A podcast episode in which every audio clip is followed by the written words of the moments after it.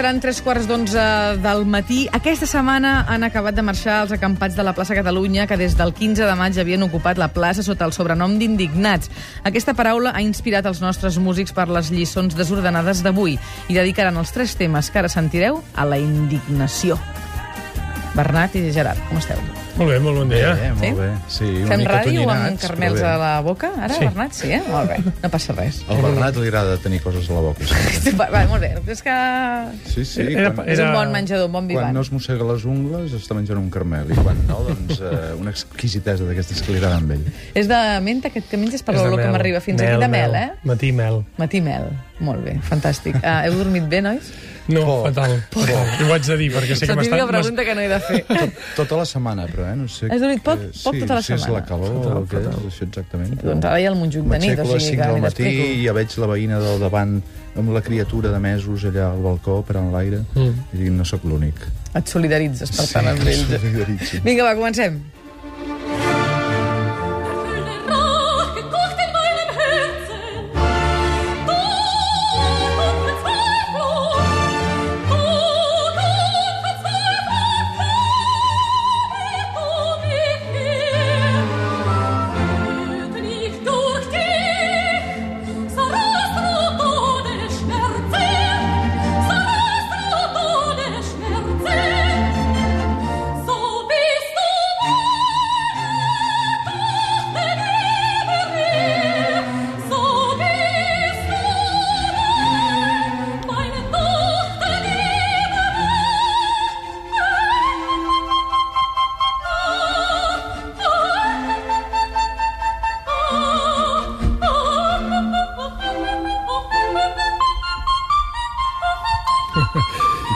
Qui no ha assajat a fer l'àrea de la reina de la nit en alguna dutxa alegre Cada al dia, matí? cada dia.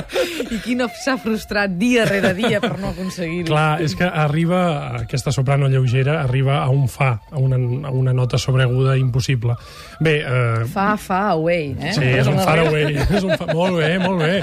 Que Has pensat bona mai en fer bolos? Exacte, em fa Fires, cansado. eh, festes majors... Sí. Si la ràdio falla, que no, sempre pots. A veure, som-hi, centrem-nos.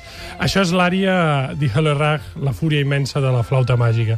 Una òpera, l'última òpera de Wolfgang Amadeus Mozart, composada l'any 1791, i és una àrea coneguda com l'àrea de la reina de la nit. S'ha popularitzat així, sobretot per aquestes coloratures tan boniques que sentíem.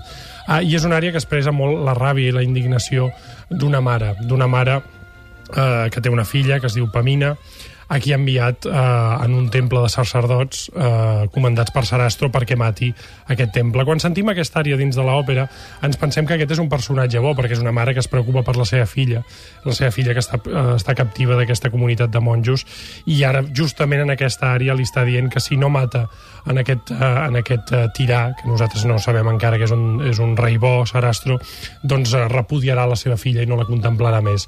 És molt curiós perquè la coloratura, aquestes figuracions que esteu escoltant, gairebé sempre es- les, tant tenors com sopranos les canten per expressar alegria. Són moments de frivolitat.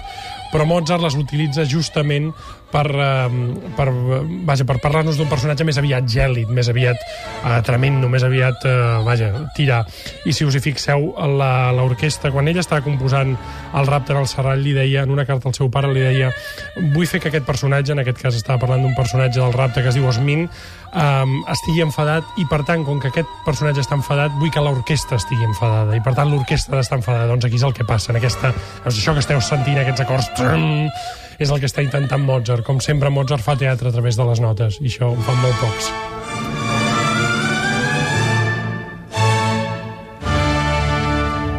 Las tierras, las tierras, las tierras de España, las grandes, las solas, desiertas llanuras. Galopa caballo cuatralbo, jinete del pueblo, que la tierra es tuya. A galopar, a galopar, hasta enterrarnos en el mar. A galopar, a galopar, hasta enterrarnos en el mar. Aquesta veu profunda amb el poema d'Alberti i la veu de, i la guitarra de Paco Ibáñez que, que, que aconsegueix ser veu interior de tots, no? Al final, la indignació. La indignació és un estat de, de, d'enuig molt gran, no? expressat fins i tot amb vehemència, no? cap a una injustícia o, o un prejudici, una desigualtat, o algun, alguna cosa d'aquelles que clama al cel. Aleshores, aquesta cançó exemplifica absolutament la, la veu de dues persones, eh, el poeta i el cantautor.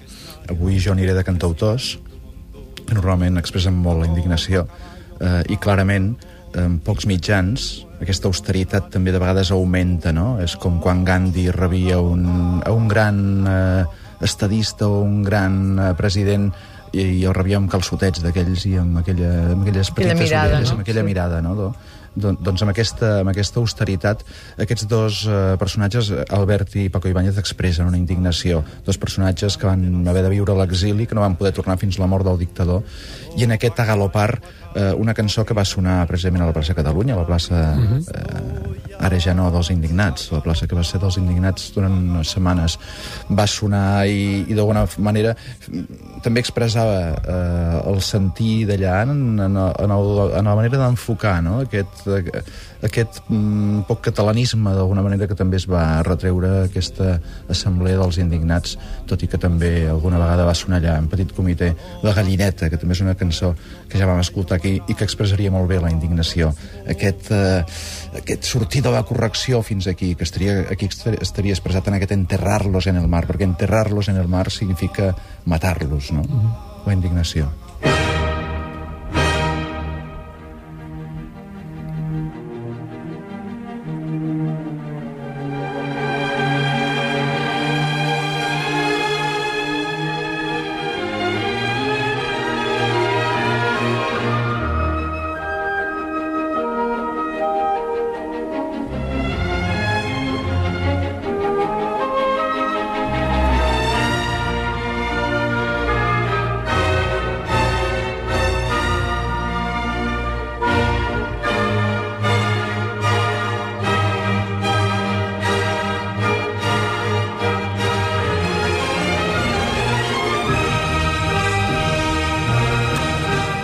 Banda de ser una, una música meravellosa, aquesta música que sorgeix d'una indignació personal i col·lectiva ens és perfecta pel tema d'avui. Uh, aquesta és la, els inicis, els compassos inicials de la tercera sinfonia dita heroica de Ludwig van Beethoven. Uh, quan la urdeix, quan la idea, Beethoven està pensant de dedicar una sinfonia a un dels seus herois predilectes, que en aquell moment era Napoleó. Napoleó estava envaint pràcticament tota Europa, però en aquells moments, és a dir, Beethoven intenta seguir de prop aquesta figura que per ell és l'encarnació de l'heroi perfecte, de l'heroi tràgic, eh, se n'adona que Napoleó es corona a si mateix emperador. Llavors Beethoven agafa una emprenyada eh, brutal i diu aquest home que havies, que havies estat el portador de la revolució, per dir-ho d'alguna manera, se li han pujat els fums al cap i ara eh, acabaran el cesarisme. És a dir, s'ha pres massa seriosament amb, amb ell, deixa de pensar en el poble i eh, únicament pensa en ell i es convertirà en un tirac, com així va ser al final amb Napoleó. No?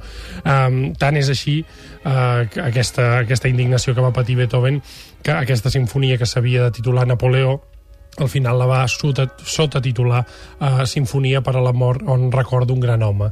Uh, no pensant en un heroi concret uh, com en aquest cas Napoleó, sinó en la figura de l'heroi, és una sinfonia que glosa la figura de l'heroi, però es va emprenyar tant amb Napoleó que es diu que va agafar la, seva la, la primera pàgina de la, de la sinfonia heroica amb el llapis, li va fotre un cop de llapis i va tatxar la dedicatòria, per això se li diu intitulata Bonaparte, aquesta, aquesta sinfonia. I comença justament en un moment com, on Beethoven, les, Beethoven abans d'escriure aquesta sinfonia la va passar molt puta, eh, tenia un, un, una, vaja, va passar un exili artístic molt brutal i justament la sinfonia comença amb dos cops a la taula. Aquests dos acords de mi bemoll major tan bèsties que hem sentit, el pam, pam. Veus? És un... Molt bé, Santiso, ben, ben ràpid. Has estat ràpid aquí. Uh, doncs és la indignació d'una persona que necessitava una mica de... Vaja, una mica de marxa per, per, la, se- per superar també una crisi personal. Curiosament, aquella música que hem sentit, el Die Holle Rach del, de la eh, de la flauta màgica i aquesta sinfonia van ser estrenades al mateix teatre, al, te al Teatre Públic de Viena, que en aquell moment era un teatre eh, pràcticament com un teatre de varietats, com l'Apolo. Fixeu-vos, obres indiscutibles de la història de la humanitat es van estrenar amb un públic gairebé marginal. Per això separar cultura popular de cultura clàssica o culta sempre, sempre, sempre és un error.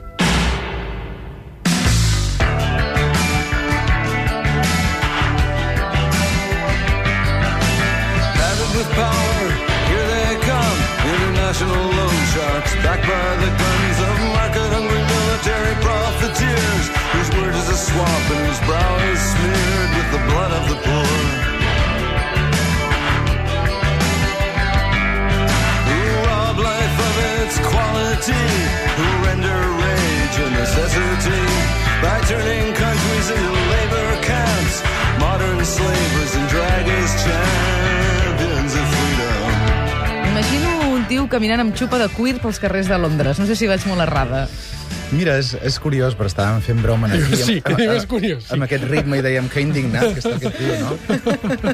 La veritat és que aquesta, eh, ell és Bruce Cockburn, un eh, senyor nascut a, a Ontario l'any 45, al Canadà, eh, i el, la música, eh, ell és un cantautor que s'ha mogut entre el folk, el jazz, el rock, eh, aquest resultat musical, aquestes síncopes, aquesta mena d'engranatge que ell utilitza, és fruit una mica de, de la seva inquietud. És una persona que ha viatjat molt per Moçambic, a Iraq, i s- quasi sempre en els moments més crítics i compromesos, no? A Guatemala, en el seu moment, eh, jugant-se la vida, de vegades, no?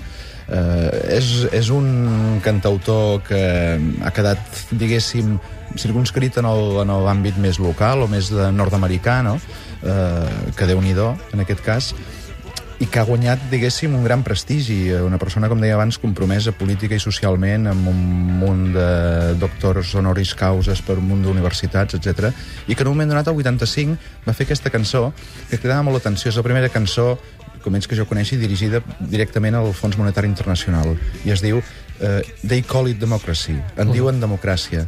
I és absolutament actual. L'ha tornat força a l'actualitat, ara torna a fer concerts i en, aquest, eh, en aquesta cançó podem trobar frases com això, nord, nord sud, est, oest, eh, assassina o millor i ven o arresta, no? O IMF, Dirty MF, no? Uh -huh. O sigui, FMI seria brut uh, motherfucker, no? O sigui, Sí, sí, per dir d'alguna manera, per no sí, sí, dir-ho malparit, aquí. més alt, malparit en Exacte, anglès. tu ho has sí, dit sí. d'alguna manera. I, I tota una sèrie d'idees eh, que ja en aquells anys, els 80 i pocs, expressaven doncs, aquesta indignació cap a un engranatge que mantenia, diguéssim, la pobresa a través d'un deute impagable molt sovint i una, una entitat que havia de servir per, per equilibrar i que molt sovint servia per eh, augmentar els desequilibris. Bruce, Bruce Cockburn. Està indignada, aquesta. Estava estrepitjat.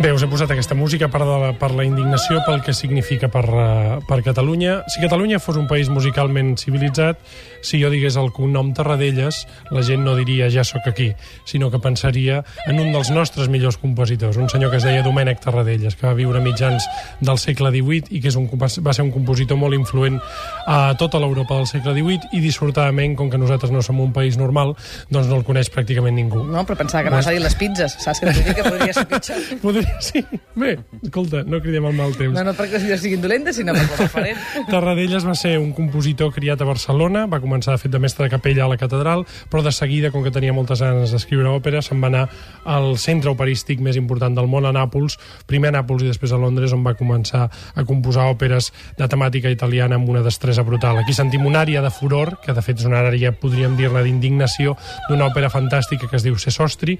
Si voleu saber més del Domènec Tarradellas, podeu consultar alguna pàgina web informativa que hi ha, per exemple, al Centre Robert Gerard eh, de documentació de l'Auditori de Barcelona, o podeu comprar-vos aquest disc fantàstic de, interpretat per una soprano justament napolitana, la Maria Grazia Schiavo, que va ser editat eh, pel Centre Robert Gerard i que eh, recull algunes àrees de furor, d'indignació del Domènec Tarradellas. Un extraordinari compositor. El tornarem a sentir en aquesta secció.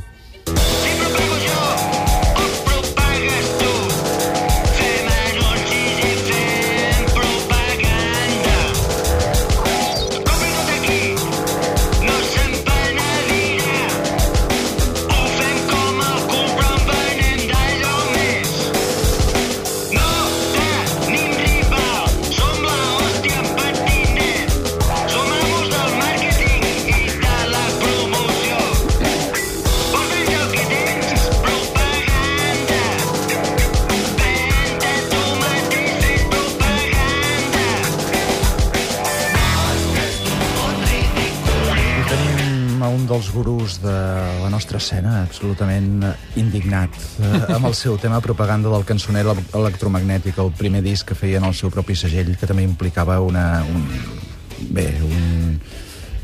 Jo diria que, que un compromís, no?, també, amb el que contenia aquell disc, un disc que es va fer absolutament ell sol. Està clar, aquest propaganda en un món en el que semblava que la música cada cop val menys, eh, sinó, eh, com diu ell, ho fem com, com el cul, però en venem d'allò més, no? Propaganda. I sempre que ha d'anar a fer promoció, quan treu un disc, diu, em vaig a fer propaganda, no? Amb aquest ritintín.